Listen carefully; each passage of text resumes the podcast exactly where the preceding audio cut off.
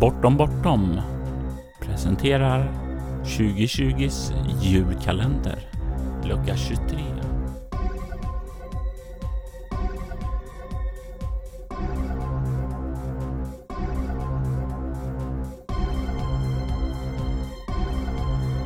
Bakgrundsmusiken i detta avsnitt gjordes av Derek and Brandon Fichter och vignettmusiken gjordes av Robert Jonsson. Hej och välkommen till dagens lucka av Bortom Bortoms julkalender. Jag är Robert Jonsson, författare till rollspelen Bortom och Leviathan och även mannen bakom podcastarna Bortom Bortom och Soläventyret. Jag vill idag berätta om ett minne som rollspelen har gett mig.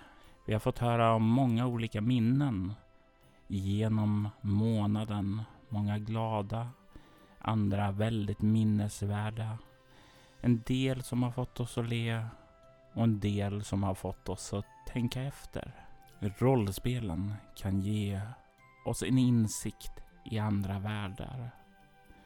Och mitt minne idag är ett sådant minne. Ett minne som hjälpte mig att öppna ögonen för andra situationer. Och det här är ett minne som är, ja, jag skulle kunna gissa på att det idag är mellan 10 till 15 år gammalt. Och det var vid ett tillfälle då jag faktiskt fick spela rollspelet Bortom. Det, själv, det spel som jag själv har skrivit. Min spelledare Emil hade vid det här laget eh, låtit oss göra karaktärer och eh, vi satte igång och eh, spela. Vi visste inte om vilka de andra karaktärerna var utan vi kände bara varandra via eh, varandras nätalias. För vi hängde i en, eh, ja, ett community, ett spelcommunity där vi utforskade platser och sådant i olika chattrum tillsammans. Mellan det som skedde där inne så kryddade han med olika scener där vi fick ta olika statistroller.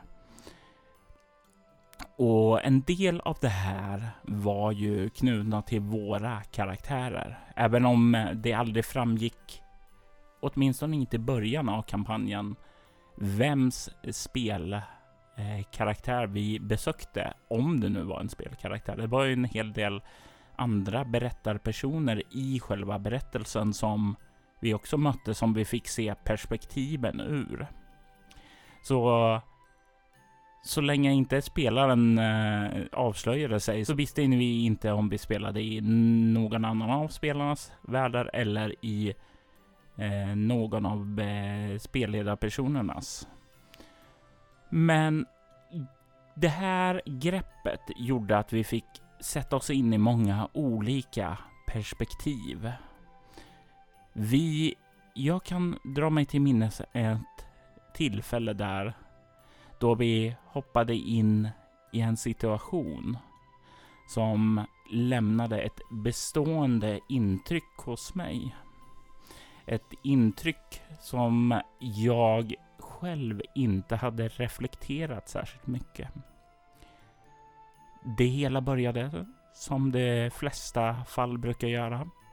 Vi fick varsin lapp där det stod eh, vad för karaktär vi skulle spela.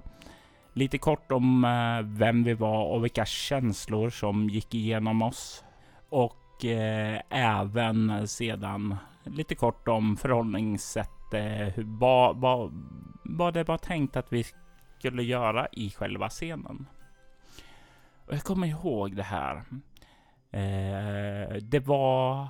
Jag, jag är fortfarande än idag eh, väldigt osäker på vad det var för etnicitet, men jag tror det var en indisk eller pakistansk. Det kändes i alla fall som så att det var den nationaliteten. Jag fick ta rollen av en kvinna som eh, invandrat till USA, levde med sina föräldrar. En eh, konservativ far som eh, tyckte att ja, men du ska ju gifta dig med en fin ung man eh, som, eh, som tillhör en fin familj och vi har kommit överens om att så här blir det. Nu skulle vi träffas, jag och min blivande man. Och grejen var att ingenting i min karaktär ville ville gifta sig. Den ville inte följa traditionerna. Men hon älskade sin far. Det var någonting i den stunden där, när jag fick min karaktär, som fick en magkänsla att vända sig ut och in. Förväntningarna som vad, om vad som krävdes för mig. Om vad jag skulle vara tvungen att göra. Jag kunde inte göra så som jag vanligtvis brukar göra med mina karaktärer och be alla fuck off. Eh, för det var ju inte den här karaktären. Den ville hålla respekt för fadern, men ville verkligen inte gifta bort sig. Ångesten var stark. Vi gick på den där dejten, jag och min tilltänkta man, vilket var då en annan spelare. Det var en trevande dejt. Och det visade sig ändå att nej men, han, han var en schysst kille då. Och han var inte heller så sugen på att gifta sig. Och det blev så där att det var ju lite så här lättnad som kom där. Att han kunde tänka sig att eh, strunta i det här. Men det, förhind- det här tog ju inte bort den här stora ångestklumpen som jag hade i mig. För det var ju fortfarande en sak kvar. Jag skulle ju vara tvungen att ta upp det här med min far. Förklara att jag inte kunde gifta mig med honom. Att jag skulle svika familjen. Jag och min dejt skildes och vi lämnade varandra. Och med tunga steg så klev jag in i mitt hem och mötte min far. Och det var bland de värsta rollspelsmomenten som jag varit med om. Ångesten som jag kände där och behöva krossa mitt fars hjärta. Som sedan vände sig om i någon form av emotionell utlösning där mina känslor bara exploderade när min far förstod mig och lovade att göra det bästa av situationen. Att se till att ingen skam kom över varken mig eller familjen. Att han var okej okay med att jag fick göra mina egna val. Och den här, all den här ångesten som hade varit i mig liksom gled ut ur kroppen. Och känslorna som jag kände av lättnad och eufori.